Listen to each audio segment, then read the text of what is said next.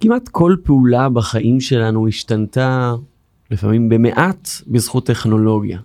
החל מנסיעה ברכב שהפכה להיות חשמלית, מערכת אלחוטית ומובילאיי שמטריד את מנוחתנו לפעמים למי שיש, ועד פגישה בזום או תשלום דרך הטלפון.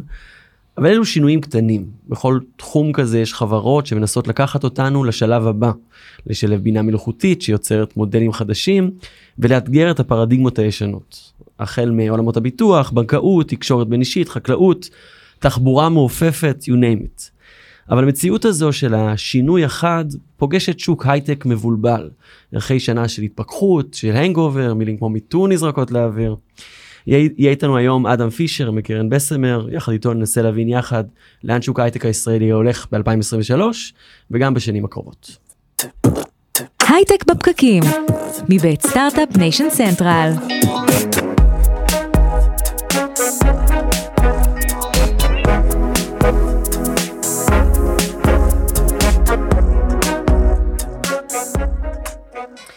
הייטק בפרקים מבית Start-Up Nation Central, אנחנו שוב איתכם מדברים על יזמות סטארט-אפים, טכנולוגיה והעתיד, על הפקה של הפרק הזה עובדים הדר חי, לינור גריסריו, טובה שמענוב, אורטל כהן ואופיר זליקוביץ' מתפעלים את המצלמות ביחד.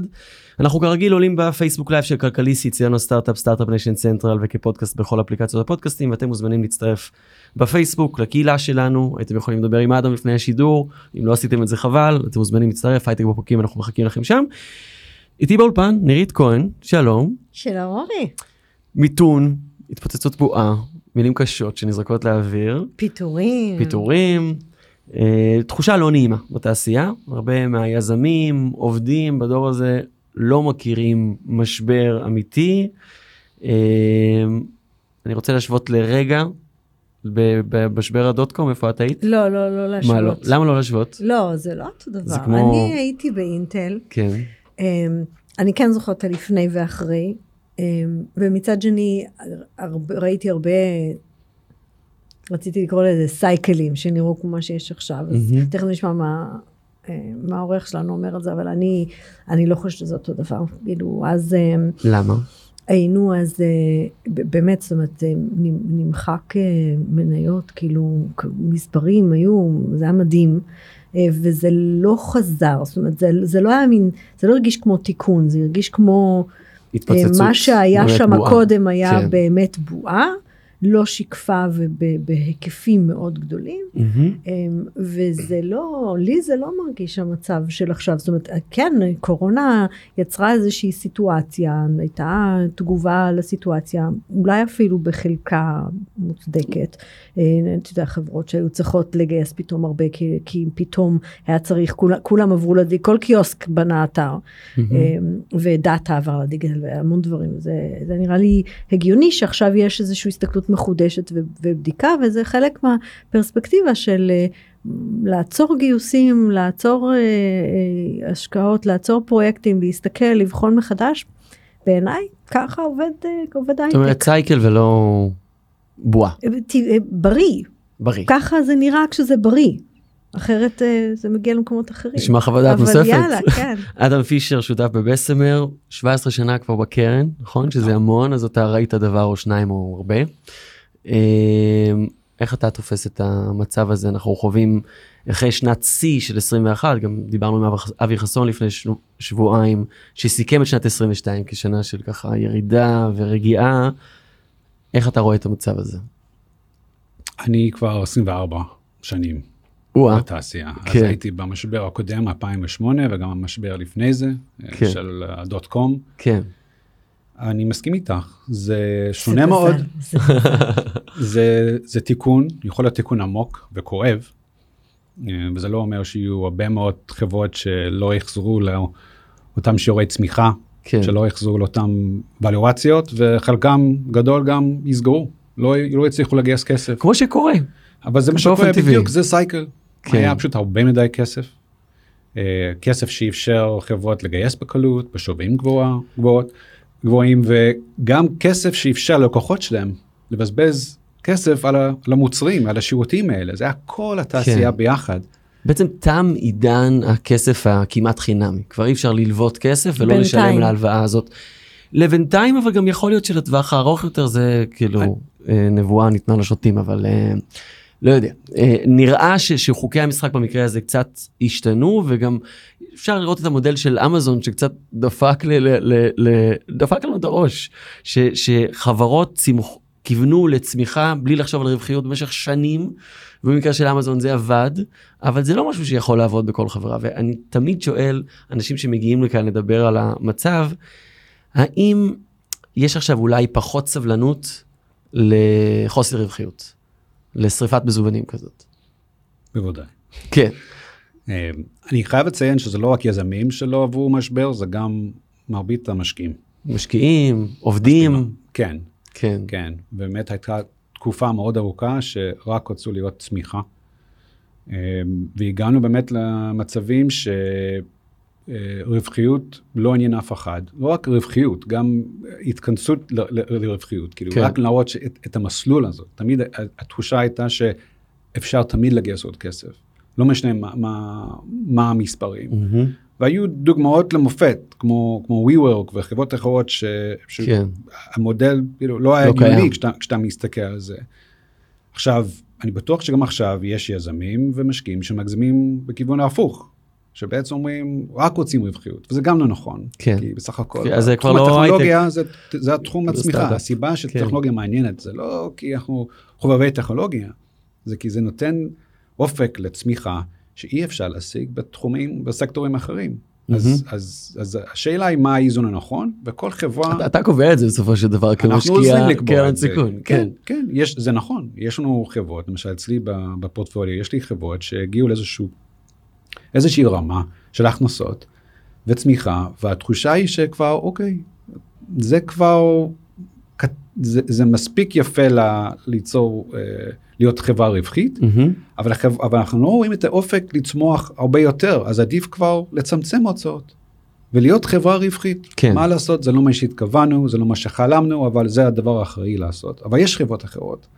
שיש אומרת, להן זה פוטנציאל מעניין, אבל. עצום לצמוח לא- לאורך שנים קדימה, כן. שאין להם תחרות, ושם העצה היא בדיוק ההפך. זה חבר'ה, זה נכון, בגדול צריך להיות יותר זהירים, הכסף לא יבוא בחינם, ובטח לא בזול, אבל זה האח- האחריות שלנו פה, זה לאפשר לחברה להמשיך לצמוח. כן.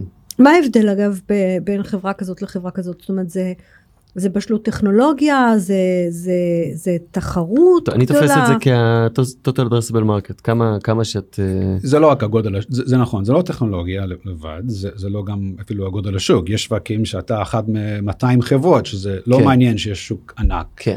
אה, זה שילוב של הרבה מאוד דברים, הגודל השוק, כמה שאתה מוביל את השוק, באמת המצב התחרות, הנתונים של העסק עצמו, האם אתה גדל ויש מלא סימני הצלחה או, או ההפך, היכולת שלך לגייס אנשים, לנהל את החברה כמו שצריך, אה, ואז כמובן כמה המוצר והטכנולוגיה, או, או אפילו ההצלחה העסקית יוצרת אה, אה, פער אה, שמאוד קשה לאחרים לצמצם. אה, אז יש המון המון שיקולים. unfair advantage. כן. והתחלתם להשתמש במונח חדש, נכון? אנחנו דיברנו המון על יוניקורנים בשנת 21, אתם כבר אומרים, אתם לא אוהבים את המונח הזה. כן. לא, פחות. אני, אני כבר לפני שנה וחצי נורא התעצבנתי על כל הכותרות של היוניקורנים, כן, אה, כי שמתי לב שאנחנו כבר הגענו לת- לתקופה שחצי מהם בעיניי הם היו שווים עשירית ממה שאני חושב שמשקיעים אחרים אה, כן. שמו להם אה, שווי. והרגשתי שזה גורם לכל יזם וכל עובד, ואפילו כל משקיע, רק לחלום על זה כאילו הצ... הכוכב הצפון. וזה מהמם. פשוט לא נכון, זה לא אפשרי, זה לא אחראי. וגם לא בטח ב- באינטרוולים כל כך קצרים כמו שראינו אז, כן. שהזמן בין הגיוס C כן. ל- לראונד A היה כלום. נכון, אני, אני גם הגשתי שמה שחסר בתעשייה זה פשוט סבלנות, אנשים פשוט איבדו את זה, לא הבינו שזה לוקח זמן, שהסיפורי הצלחה על שנתיים, שלוש, זה אנקדוטה, זה לא ככה בונים חברה, זה כן. בלתי אפשרי. אה, זה כמה- חלק מהסממנים של הבועה. נכון, הנה אמרת פה? נכון, אבל, אבל זה הסימפטום, זה שדיברו כן. כל הזמן על השווי של חברה. כן. בעצם, ומה זה שווי? שווי זה בעצם, הנה, מצאתי משקיע אחד, שרק לפני שנתיים נכנס לתחום של ההון סיכון, נכון, כי היה גם הרבה שמוכן לשלם מיליארד דולר עבורי. עכשיו, מה זה אומר? אז אמרתי, רגע, זה הדבר הכי סובייקטיבי שיש. לגמרי. ואנחנו כותבים על זה כותרת ואומרים כל הכבוד ואיזה, אתם כנראה ממש מצליחים, אבל מי אומר שהמשקיע הזה יודע מה הוא מדבר? כן? אז אני עם עוד uh, שותפה בעצם גיבשנו עוד, עוד רעיון, אמרנו בואו בוא נחשוב על מה שבאמת חשוב, אם יש איזה עוד סימן שבעצם אומר שהחברה היא באמת הצליחה, בלי קשר לשווי, בלי קשר במעשה למה שאחרים אומרים, משהו אובייקטיבי. והגענו ל-KPI, כאילו הנתון שבעצם זה 100 מיליון דולר הכנסות שנתיות ARR, כאילו חוזרות על עצמם, כן. וקראנו לזה קנטאור. ש... שזה גם חיה מיתולוגית, אז גם קצת דומה. יצור לא קיים. שזה אגב חזרה לאיזה קונספט ישן, אני זוכר שמעתי פודקאסט לפני איזה חמש שנים. שדיברו שם גם על unicorn, אני חושב שזה היה עם זאב פברמן מלייטריקס, אם אני זוכר נכון. והוא דיבר שם על uh, 100 מיליון דולר ARR, זה אומר שאתה יוניקורן, לרוב. זה היה לפני כן, ואז העולם משתגע. נכון, נכון, כן. פעם היה איזשהו היה. קשר בין, כן, בין באמת ההכנסות, הכנסות ו- ל- כן. והשווי. כן. אה, זה בהחלט נכון, אבל אמרנו רגע, למה 100? מה זה אומר? כי 100 מיליון דולר, אנחנו בעצם אומרים, החברה היא, היא כבר מתקרבת להנפקה. אולי היא צריכה לגדול, להראות שהיא יכולה לגדול עדיין בקצבים גבוהים, ועדיין מגיעה לרווחיות, אבל היא, היא, היא בדרך לשם. היא מספיק גדולה ב-100 מיליון דולר שיש לה כנראה אלפי לקוחות. זה כשיש לך אלפי sustainable לקוחות, בעצם. זה לא המצאה. כן. לא, לא קנית אותם, לא בזבזת כסף במשך שנתיים כדי לקנות את הלקוחות. ואם אה, כן, אז היו רואים מאוד בקלות, כן. עם היונט אקונומיקה שלך- שלך, לא, אנחנו מדברים כן. על, בדרך כלל אנחנו מדברים על, תוכנה עם, עם, עם, אה, עם רווח, כאילו gross margin גבוה כן. יחסית, אנחנו מדברים על, בעיקר על software, לא סתם אנחנו מדברים ARR, זה בעצם מוציא כל החברות של הפינטק והביטוח, אינשורטק כן. ואי-קומר, שזה, אז זה השוואה דיברנו. דיברנו על שערוכים גבוהים מדי ב-21, ב-22 התחלנו לשמוע פעם ראשונה את המונח הזה שנקרא down rounds, נכון? אה, שערוכים נמוכים יותר מה, מהסבב הקודם.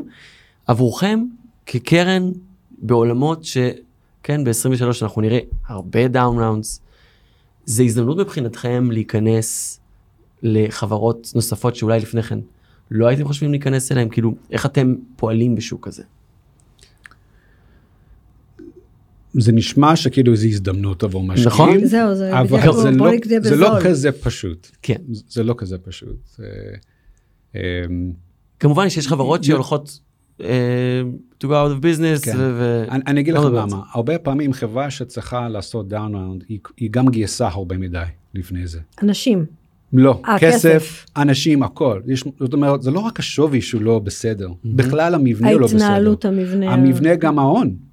עכשיו, אם חברה גייסה 50 מיליון דולר לאחרונה, ובעצם היא שווה כולה 30 בעיניי, מה הבעיה? זה, אין בעיה בעצם להגיד, אוקיי, החברה עכשיו שווה 30, מה זה משנה? דילול, בסדר, נק, כן. נקצה עוד אופציות לעובדים, מה הבעיה?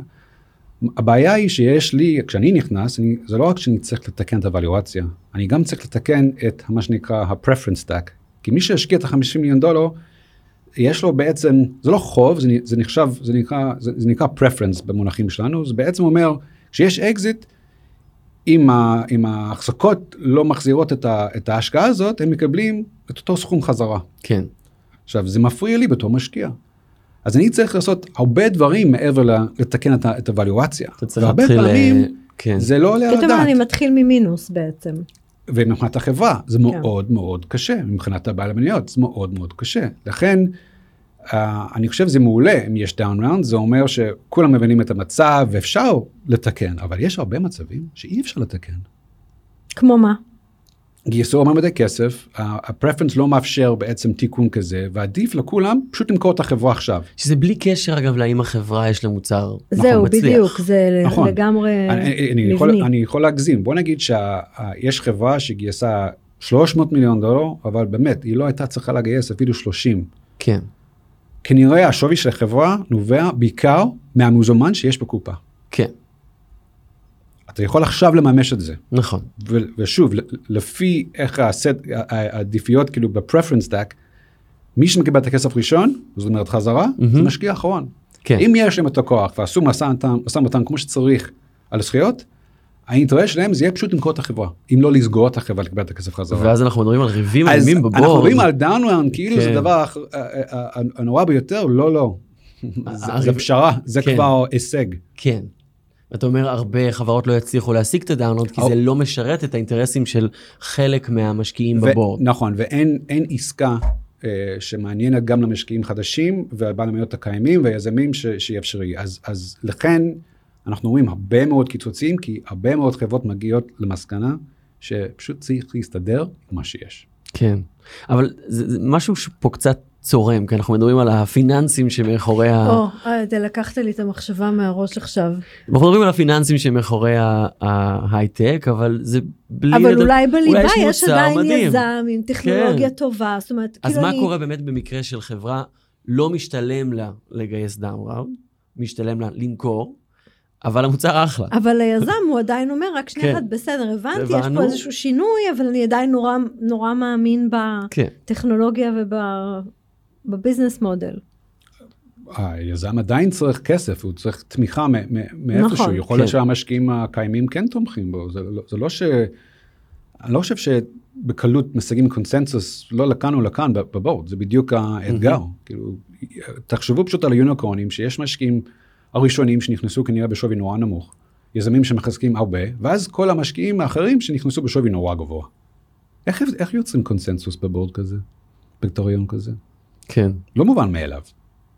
כן, אתגר. נכון. נשמע לי כמו פרק לתוכנית. זה...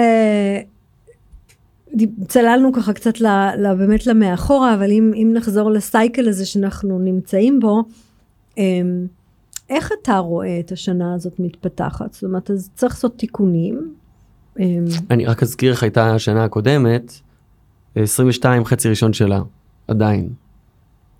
סנטימנט של 21, נכון, חצי שני, הרבה כסף וצמיחה, אחרי זה נגמר. התחילו, נכון, כן.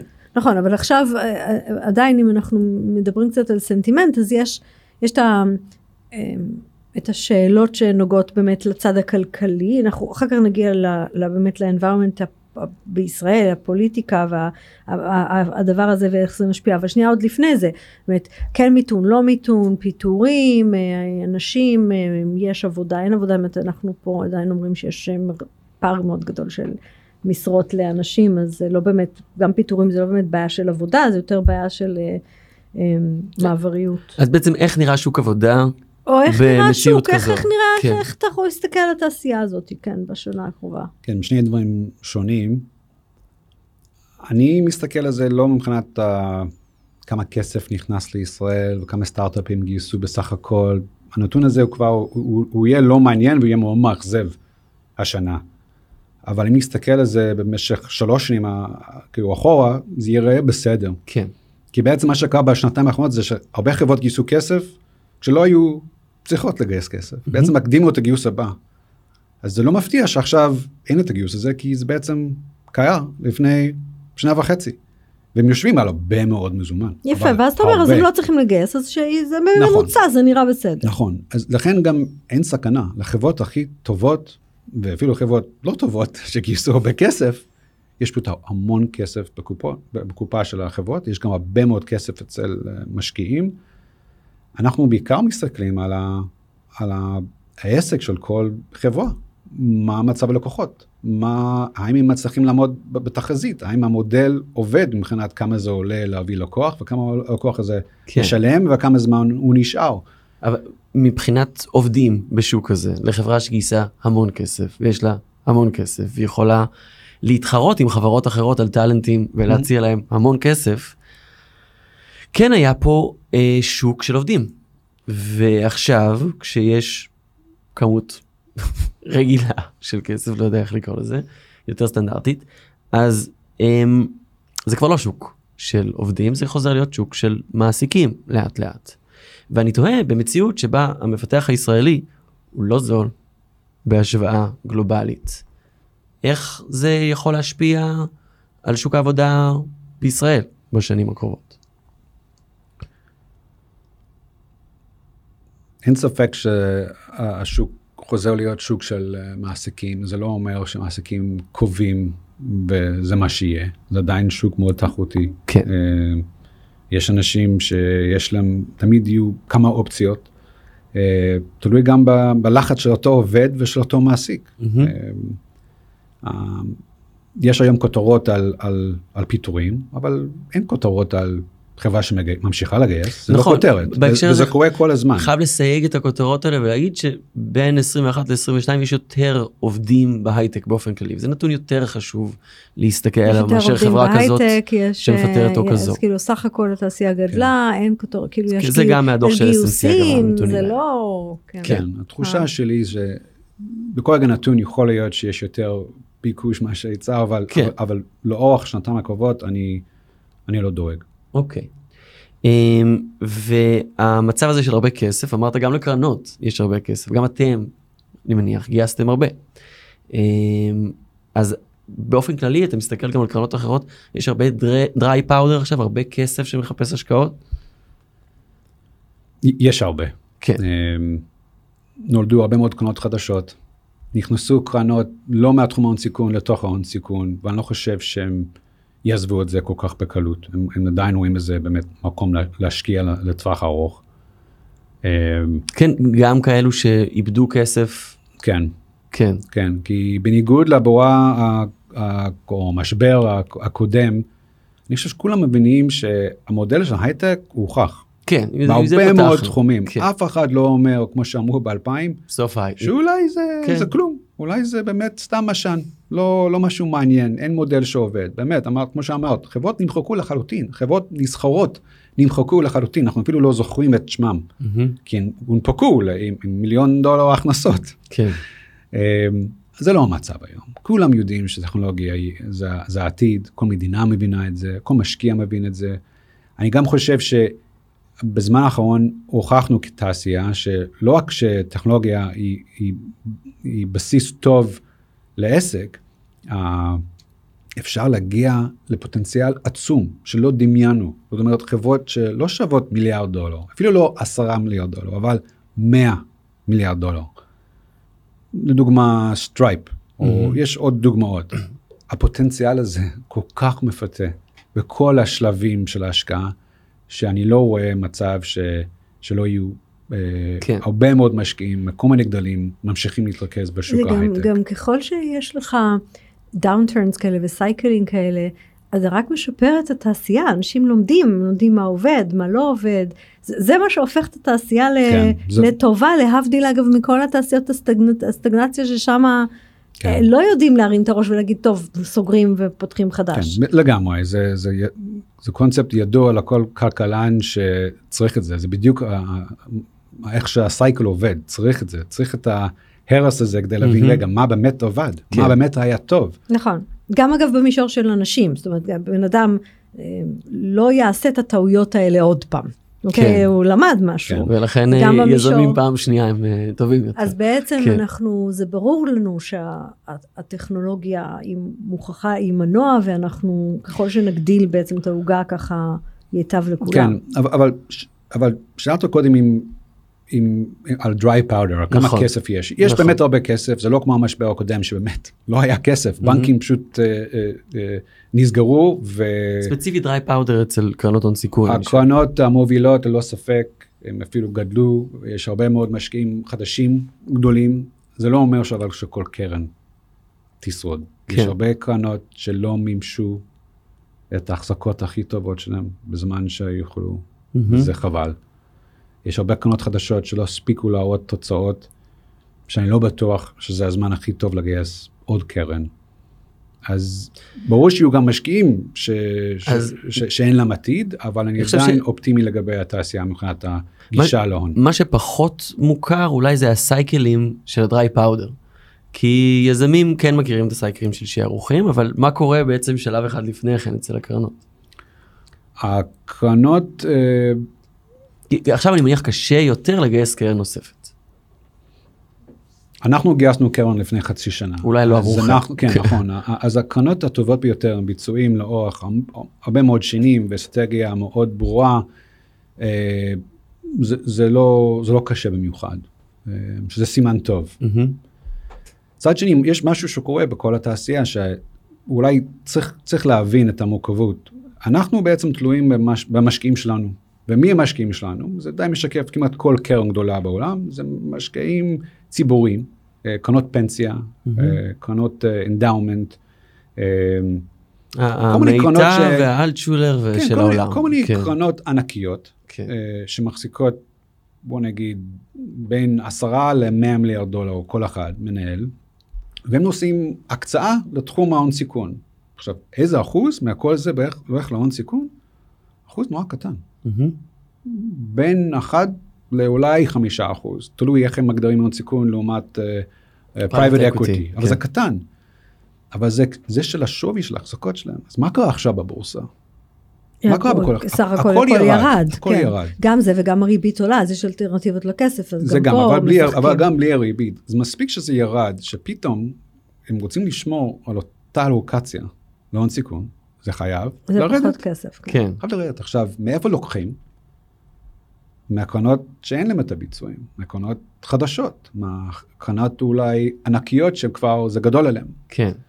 אז יהיה פחות כסף, אבל אני חושב לצרכים שלנו ולצרכים האמיתיים של העולם הסטארט-אפים, זה יהיה מספיק. אבל אמרת משהו מעניין על האלוקציה שיש לו גם משמעות עד רמת היזם. אה, בוא נגיד שאנחנו רוצים לשמור מסך הכסף שיש לי על בין אחוז לחמישה, נגיד אני רוצה שניים וחצי אחוז, שיהיה מושקע בקרנות הון סיכון. והיה והם דווקא הצליחו. נכון, אבל אני עדיין רוצה לשמור על האלוקציה שלי כי יש לי איזה שהן אסטרטגיות ארוכות טווח כאלה. אז דווקא בגלל שהסקטור הזה ב- בתוך סך הכסף שלי הצליח, אני צריך בעצם לצמצם אותו, נכון? ונוצרים כאלו סייקלים שדווקא אחרי עליות אז פתאום יש, ברור, אנחנו, אוקיי. כל החלטה משפיע, גורם לעוד החלטות, כן? אם, אם, אם חברה אחת מפטרת 10% מהעובדים, היא מוציאה פחות כסף על מזון, על, אה, על, על, על השכר דירה, וזה מג- זה מגלגל כאילו מה, לעוד מה שאני חברות. מנסה להבין זה באמת האם כרגע יש המון, הרבה דרי פאודר, המון, כאילו מה, מה המצב באמת של כסף שמחפש השקעה. זה אני חושב השאלה שהרבה יזמים יש. הרבה dry powder במובן הזה של החברות הכי טובות והכי מעניינות, או אפילו הכי קטנות שלא צריכות הרבה כסף, זה לגמרי אפשרי. אני פשוט משווה את זה עם 2008, שבאמת. הייתה שנה שהרבה קרנות, כאילו אפילו הטובות ביותר, לא ידעו האם יוכלו לגייס עוד כסף. וגם אתה אומר, זה לא 2000 ו... כאילו 2021, כן, שבו על PowerPoint, או אפילו לדעתי גם קצת כן. קודם, על PowerPoint גייסת כסף. כן. זה אתה לא צריך, קיפאון, אה, המצב הוא, הוא, הוא נכון יותר קשה, זה בכלל לא כמו 21 או 22, זה גם אפילו לא כנראה כמו אה, ה-19, אבל זה לא קיפאון. יש, כן, אבל אנחנו כן דיברנו עד כה על קרנות ועל כסף שזמין להשקעה. מהבחינה הזאת זה שהערך המנייתי של הרבה גורמים מוסדיים כאלה שהזכרת זה שהוא ירד זה אומר שיש להם פחות כסף זה דבר אחד דבר שני החברות עצמן נגיד אה, סתם כדוגמה אה, אינטל שהשווי שלה ירד ואינטל שהייתה פה נורא פעילה בישראל ב-M&A's ב- אה, כדוגמה מובילאיי. אה, יש לה פחות כסף זה, זה לא רק הקרנות זה כל האקוסיסטם קצת אני, הצטמצם. אני לא יודעת, כי, כי M&A זה למשל דוגמה, וזה משליך לנו על התעשייה, שבה אתה, חברה גדולה יכולה טוב. להגיד בדיוק, יכולה להגיד אני מקצרת את הדרך למשהו. כן. כאילו במקום אה, להקים לבד, או לפעמים אנחנו בדיוק ראינו עכשיו, נכון, ראינו פיטורים גדולים ב, בכמה חברות גדולות. אה, אני, אני מסתכלת על זה, אני אומרת, יצא לך ChatGPT, מדברים על מייקרוסופט שצריכה עכשיו, אולי יש לה שם השקעה, יכולה למנף את הסיפור הזה, אולי לשנות משהו באקוסיסטם, ואז פתאום יש לך פיטורים גדולים במייקרוסופט.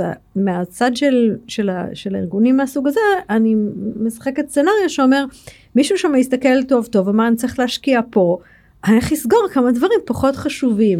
ל- ל- לעשות, אני יוצא מאזורים מסוימים, כי זה- זה שמישהו מפטר זה לא אומר שהוא לא כן. הזיז אנשים או גייס. העולם מתחלק לשניים.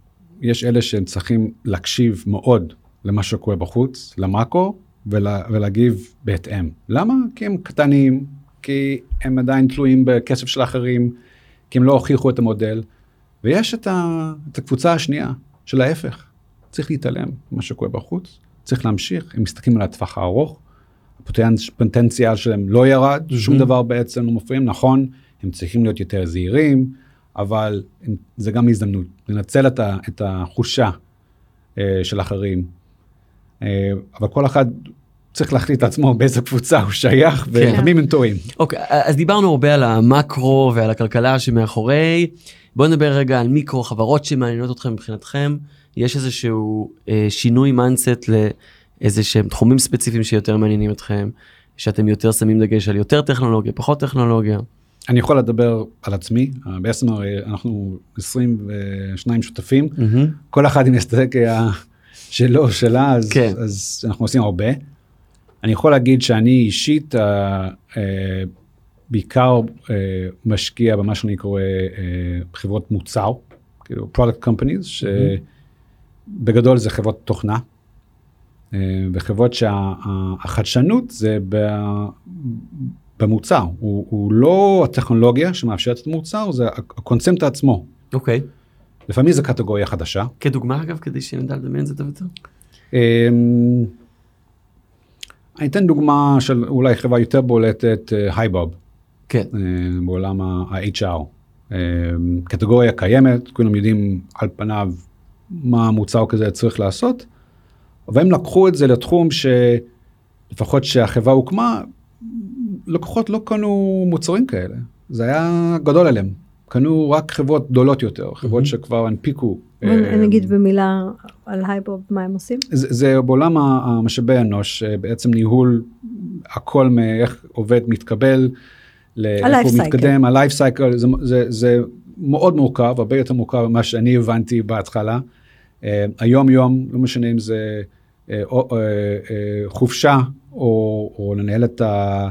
את ה אמ, אה, כאילו מה המשכורת, מה האופציות, מה... והם בעצם נכנסו מתקדם לתחרות בארגון. עם חברות מאוד מאוד גדולות, כן. ותיקות, שישבו על סיסטמס ענקיים הם, בדרך כלל. הם התחרו דווקא באקסל, אני חייב להגיד. כן, אה, בדברים מאוד מאוד פשוטים, אבל בעידן שטאלנט היה כל כך אה, חשוב לארגונים, לנהל ולדעת מי אחראי על מי ואיך מישהו מתקדם בארגון ואיך לתכנן את הגדילה של ארגון. ארגון שגדל 100% בשנה זה נשמע שהקושי זה איך ליצור מספיק שולחנות, זה ממש לא הבעיה.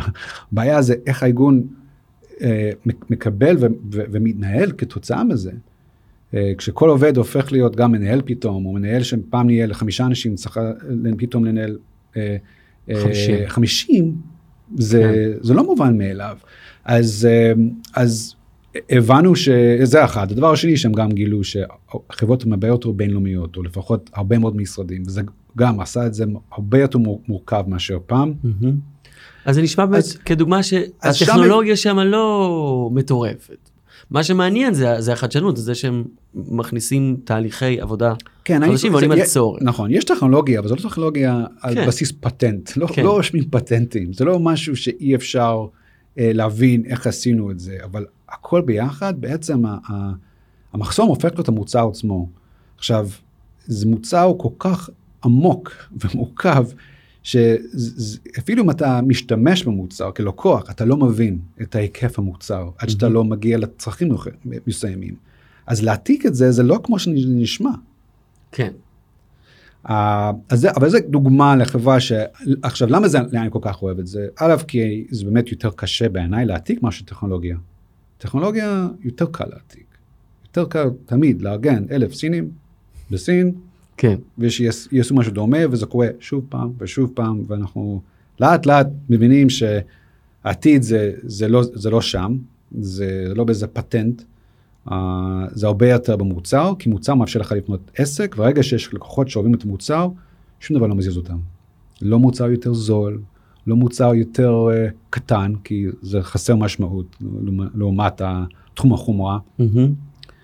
אה, וחברה שמצליחה עם זה היא חברה בעיניי לטווח ארוך, אז זה מה שאני מחפש. כן. ועוד איזה שהם, מיליו, כן. מיליו בעולם הפינטק, אה, שהם בעצם מאפשרים אה, יותר בקלות עסקים לשלם את הספקים שלהם. עכשיו זה נשמע קל, מה הבנקים לא עושים את זה? לא בקלות. זה מאוד מסורבל ומסובך, ובארצות הברית במיוחד. כל ספק מבקש תשלם בצורה אחרת, לפעמים צ'ק, לפעמים העברה, לפעמים אה, אה, משהו אחר, והם בעצם, גם פה, הם, הם, יש טכנולוגיה. שוק נורא צפוף צריך להגיד, התחום, התחום של אה, ככה, נכון? אגרגציה של תשלומים. זה לא אגרגציה, אבל, אבל כן. זה, זה נשמע צפוף, אבל לא היה כזה דבר. כן, ובעצם מה שהם בנו זה מוצר. שעל פניו כולם חושבים שזה טכניקה, איך אתה מעביר כסף ממקום אחד למקום שני, אבל זאת לא הבעיה. Mhm. הבעיה הייתה איך אתה נותן אפשרות לעסק קטן לאופטם אה, את התשלומים כך שזה טוב לו, Mhm. לא טוב לספק. וזה בשן, זה במונח אחד זה workflow, זה כן. כאילו איך אתה יכול להבין לפי כמה מזומן יש לו, לפי איזה עוד תשלומים יש לו, לפי מתי נכנס כסף, לא רק מתי לשלם, אבל איך לשלם, כך שהספק הוא לא, הוא לא מפריע לו בכלל. כן. עכשיו הרגע שלקוח משתמש בזה ומתרגל לזה, הוא לא הולך לשום מקום. כן, זה כמו סיילספורס, אתה יכול אה, להחליף את ה-CFO שלך. סיילספורס זה שונה. אתה לא תחליף את ה... סיילספורס אתה, אתה לא אוהב את זה, אתה פשוט תקוע. תקוע, אין, נגמר זה משהו. אחר. כן. אני מדבר על חברות מוצר שאתה כל כך רגיל, אתה לא יכול לחשוב, ללמוד איך להשתמש במשהו אחר, כי אין כן. סיבה. כן. אוקיי, אז מה שעד כה לא דיברנו עליו ומאוד, אני מניח, משפיע על ההייטק הישראלי זה הפוליטיקה. בדרך כלל הפוליטיקה היא לא מאוד משפיעה, אבל עכשיו הרבה יותר דרמטית, אנחנו רואים הפגנות בכל שבת, ביום שלישי האחרון ראינו הייטקיסטים חוסמים את קפלן, אה, לוקחים שעה שביתה, בעצם חופש מהעבודה ועושים את זה. זה באיזושהי צורה. בעצם השאלה כאילו היא איך זה אפילו משפיע לא, עלינו? היא, כזו, היא אפילו לא פוליטית, היא יותר, כמו שדיברנו מקודם על, uh, על מיתון וכולי, יש פה איזושהי אמירה, גם, גם מכתב של הכלכלנים, שיש משהו ב... בשיח הציבורי שמתרחש עכשיו ובפוליטיקה שמשליך על ה-environment של, ה, של הכסף שנכנס לארץ, שייכנס לארץ. על וגם על יחסי העבודה בינינו צריך להגיד. שיתופי פעולה. כן. איך אתה, כאילו, בתור משקיע, אנחנו כל הזמן אומרים, המשקיעים לא. ירצו להשקיע פה, אז איך, איך זה, מר- איך אתה רואה את הדבר הזה מתפתח? זה לא פשוט להסביר, אני חייב להגיד. משקיעים בעיניי לא יברחו כל כך מהר. אנחנו לא הולכים לשום מקום למשל. אני לא הולך לשום מקום. אמ, יש מספיק דוגמאות של משקיעים שהשקיעו במדינות אה, לא דמוקרטיות. אבל אמנם לא בתחום הטכנולוגיה כן. ולא בסטארט-אפים. אה, אני לא בטוח שנהיה אפילו כותרות של איזה משקיע שמכריז שהוא לא ישקיע בארץ. אני כאילו, אולי, אולי ברמה מסוימת אני רוצה שזה יקרה, כי זה מה שאני מגיש ברמה אישית, אבל אני לא חושב שזה יקרה. אני מפחד במשהו אחר, ואני חושב שזה כן יקרה. אני דואג איך זה משפיע על הבן אדם הבודד, היזם, המשקיע, העובד, שמרגיש פחות בנוח בלהקים משפחה בארץ, להקים חברה בארץ, להמשיך פה. אותם אנשים שיש להם אלף הזדמנויות לעשות רילוקיישן, להקים את החברה איפה שהם רוצים, בלי שמשקיעים ישאלו שאלות. ולצערי, אני חושב שההשלכות פה זה לטווח ארוך. אני משווה את זה עם כחון, שנמס. בהתחלה לא רואים את זה, המים מתחמם מתחת. כשרואים את זה זה כבר מאוחר מדי, כשרואים את הצדקים זה כבר מאוחר מדי, והקצב שזה נמס הוא, הוא כבר, הוא, הוא גם הכי גבוה.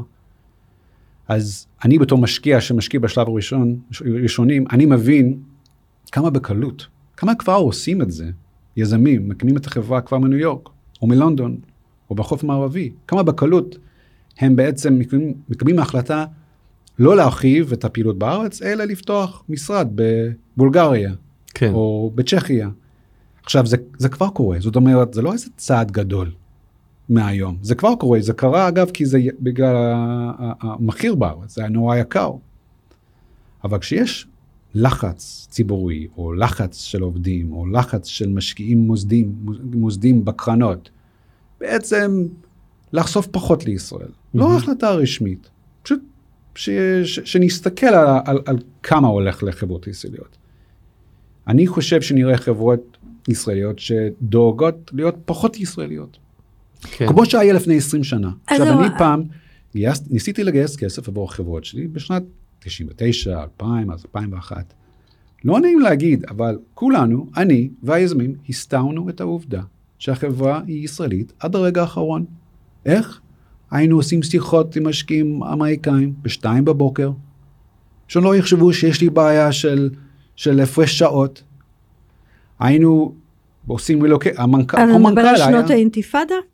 או שזה לא קשור. לא קשור, זה כשישראל לא הייתה עוד על המפה. כאילו, אתה אומר, עוד לא היה, עוד לא כן, הייתה... לא הייתה על המפה, כן. ומשקיעים אה, לא כל כך אהבו את הרעיון להשקיע כל כך רחוק. כן, כשלא הבינו מה זה קורה. מאיזושהי בחינה פוגע במיתוג של ישראל. בדיוק. והמיתוג של ישראל הוא המון, הוא מביא לפה מתעניינים, אנחנו ב- רואים את זה פה בעצם- זה לא, ב-SNC כל זה לא רק הזמן. זמן. עכשיו, יש, יש עוד משהו. לא, יש, אי אפשר למדוד דברים שלא קרו, כן? אי אפשר לדעת האם יש משקיע שבכלל תכנן לפתוח משרד פה בארץ, שעכשיו אומר, אולי לא עכשיו. כן. זה לא כותרת. זה אפילו לא החלטה רשמית. זה פשוט לא קורה. אני אי כן אפשר למדוד דברים כאלה. מזדהה עם מה שאתה אומר, מי שהסתובב בתל אביב בשנה האחרונה ראה המון רוסים שברחו מרוסיה, בעקבות המלחמה בין רוסיה לאוקראינה. עכשיו, המצב ברוסיה, מקווה שלא נגיע אליו אף פעם, שהמצב פה הרבה יותר טוב, אבל הראשונים לברוח ברוסיה היו האנשים מתכנתים, אנשים שיכולים להרשות לעצמם לברוח. לא, לא, אתה טועה. אז יש פה בריחת עזבו- מוחות. הם עזבו מזמן. מה שאתה רואה עכשיו, זה האחר. זה, זה הכחון שעכשיו מת- מתנתק כבר. כן, אנשים כמונו, משקיעים כבר זיהו מה שקורה ברוסיה לפני עשור. אני הייתי מגיע לרוסיה, הייתה לנו חברת פורטפוליו שאני ירשתי ממישהו, הייתי נוסע לשם, וכבר אז הבנתי, אנחנו, אסור שנשקיע עוד דולר במדינה הזאת. הבנתי איך זה עובד, ושזה לא מקום שאפשר להיות. ואגב, אומרת, אחד ב- האנשים שישב בדירקטוריון איתי, הוא עכשיו בכלא. כן. אז בעצם אתה אומר שזה לא רק השאלה של האם משקיעים יוציאו את הכסף, זה קודם כל השאלה של האם הת... חלק מהטאלנט יברח, בין אם הוא בצורת אנשים ובין אם הוא בצורת חברות, שה... שה... ה shiny title הזה של Start-Up Nation. שמביא לפה כסף בשם ה title הוא יתעמם, ו... אמ, וההחלטות שאנחנו לא באמת נראה אותן, זאת לא ההצהרות, אלא אני חייבת להגיד שאני עבדתי הרבה שנים ב-M&A של אינטל, אה, ו- ובאמת אתה, אתה מסתכל על, על החלטה של האם לרכוש חברה כזאת או אחרת, בפרספקטיבה בין השאר של, אה, של אם אתה יכול לצמוח שם, של, זה- של מה ה-environment, של, של האם זה מקום שאתה רוצה להיות בו. נ- נכון, אמ, יש המון שיקולים. יש המון שיקולים. אגב, גם המחיר שאתה משלם בתור משקיע או בתור קונה. אני זוכר, רוב הקריירה שלי, תמיד הייתה הנחה על חברות ישראליות. למה? ככה. כי היא שמה, לסיבות גיאופוליטיות, לסיבות שאנחנו. לא יודעים. המטורפים אבל מגיע לנו. הנחה. כן. וזה מקובל על כולם. מה שקרה בשלוש שנים האחרונות זה שנעלמה ההנחה מה הזאת. זה, הם קיבלו פרמיה. בדיוק. עכשיו, מה המשמעות שפתאום הפרמיה אה, אה, נעלמה? אפשר להגיד, נכון, הייטק תמשיך, וזה נכון אגב, הייטק תמשיך, אבל היא, היא נחלשת. כן. ולאט לאט, ועשור מעכשיו, נסתכל אחורה ונגיד, רגע, איך הכל התחיל? נכון, היה את המשבר המקרו, אבל מה עוד? איך, איך במקום ניר צוק אחד, שהלך לארצות הברית והקים פאלו אלטו, וישראל לא נהנתה מזה בכלל עד אחרי 12 שנה, יהיו 20 כאלה, 40 כאלה. מתי נדע? מתי נצטער על זה? לא מיד. לא כשיזם בודד שאת ואני לא שמענו עליו, שאין, שעבר לחוף מערבי ואמר, אני אקים את זה, אני מקים את זה. פה יותר, יותר בקלות, אני אגייס כסף, יותר בקלות. יותר נעים לי ואם אני. צריך לפתוח משרד קטן ברוטשילד, אין לי בעיה, אני אעשה את זה. אבל אף אחד לא, לא יגיד שאני חברה ישראלית, אני לא צריך להסתדר עם BDS ו-ESG וכל מיני עוד מונחים, כן. ואף אחד לא ישאל אותי, אתה מדבר על השערוכים אגב, ואני חושב- שוב אני מביא פה דוגמאות קיצון אבל ככה לומדים. אה, נגיד עכשיו הייתי משקיע בחברה בהונגריה. וואלה הייתי כנראה מתכלל את האי יציבות הפוליטית והייתי פשוט משערך אותה נמוך יותר. וזה החשש זה אחד אגב, לא החששות. ללכת אפילו עד הונגריה, זאת אומרת, יש מקומות, אה, נגיד צרפת למשל, מבחינת סביבת יחסי עבודה, או כל מיני חוקים נכון. אחרים, אה, יש הרבה מאוד חברות שעשו משם פול אאוט כן. בגלל זה. כן. יכול להיות, אני, אני, יש, יש המון עסקים, אני, אני, אני אישית לא צופה לפול אאוט כרגע, אני חושב שאנחנו עוד לא יודעים מה יהיה. השינויים האלה שמתוכננים יאפשרו עוד הרבה חוקים שקשה לדעת לאן מה- זה ילך. לאן זה ילך. כן. אז אני חושב שרק אז נוכל לדעת, רגע, עכשיו, זה שעכשיו מותר להפליא, אולי. אולי אחרי זה שפסלו את כל ה... אה, המפלגות הערביות, אולי אז, אולי אז זה כבר הרבה מדי, אני לא יודע. אז נחכה ונחכה, וכל אחד יקבל את ההחלטה שלו. מהמם. אז החשש של כולנו זה שזה רק התחלה. כן. זה לא, זה לא רק זה, זה בעצם מה שזה יאפשר בשנים הקרובות ובקצב נורא מהיר. כן. אנחנו מסיימים את התוכנית אבל אני לא רוצה לעשות את זה באופן הזה. אה, איזה שהם טיפים אה, ליזמים ששומעים אותנו, אני- אני שמעו אותנו. אני כן. חייב פשוט להגיד משהו, למה אני אופטימי, למה אני כן. בכל זאת תודה. חיובי. כן. כי אני אני אגיד משהו, החברות הטובות זה זמן מצוין. יש להם כסף, יש להם גישה לאנשים מוכשרים, יש להם פחות תחרות מהקטנים, מהגדולים שפיטרו שהם פ- טאלנטים. פיטרו, כן. בדיוק, אז החברות האלה יהיו פשוט מעצמות ויש לא מעט מהם בארץ. כן. זה אותם קנטרים בעיניי וגם אלה שיהיו קנטרים בעוד שנה או שנתיים ו... ויהיו עוד ועוד כאלה בארץ. הדבר השני זה גם זמן מעולה להקים חברה. לא שזה קל, זה יותר קשה, אבל אם הצלחת לגייס כסף ולהביא מוצר אה, בזמן כל כך קשה, זה סימן מצוין להמשך, ושוב, יהיה לך גם גישה לטאלנט, פחות תחרות, ומבנה... יותר כסף שמחפש גם השקעה לחברות יש, הקטנות. יש, יש יותר. יש, יש, יש, כן. יש תחרות, גם אנחנו ממשיכים להשקיע, זה נכון, זה לא אותם היקפים, זה לא אותו קצב, אבל זה קורה. מהמם. אז זה זמן מצוין, זה פשוט יותר קשה, ואני בעיניי, זה טוב שכך, כי מי רוצה להקים חברה להיכשל אחרי שבע שנים? זה מעניין מישהו? לא. שבע שנים? לא, זה מה שהוא אומר, עכשיו ה cycle אני יותר מגזים, מהיר. בסדר. לא, אני מגזים, כי אחרי כן. שבע שנים אתה מסתכל אחורה, אתה אומר, איזה בזבוז. כן. כן? נכון, נכון. מעולה. אדם פישר שותף בקרן בסמר תודה רבה לך שהצטרפת לנו היום. אה, ותודה תודה. לכם שהאזנתם לנו תודה לכלכליסט ו Start-Up Nation Central על שיתוף הפעולה אנחנו מזמינים אתכם לקבוצת הפייסבוק שלנו שנקראת הייטק בפקקים להצטרף לטיעונים לפני התוכניות לשאול את השאלות שמעניינות אתכם אנחנו כבר נעלה אותם לשידור. תודה נירית כהן. תודה לאורית. טולדנו. טובה שמאנוף לינור גיסריו אה, אופיר זליקוביץ' ואורטל כהן מתפעלים את המצלמות היום ואתם כמובן אם הגעתם עד הלום אהבתם יש לכם איזה חיוך קטן על הפנים אז תלכו שם תדרגו אותנו חמישה כוכבים כדי שעוד אנשים עוד אנשים ככה ייהנו מזה. תודה רבה נתראה בחמישי הבא יאללה ביי.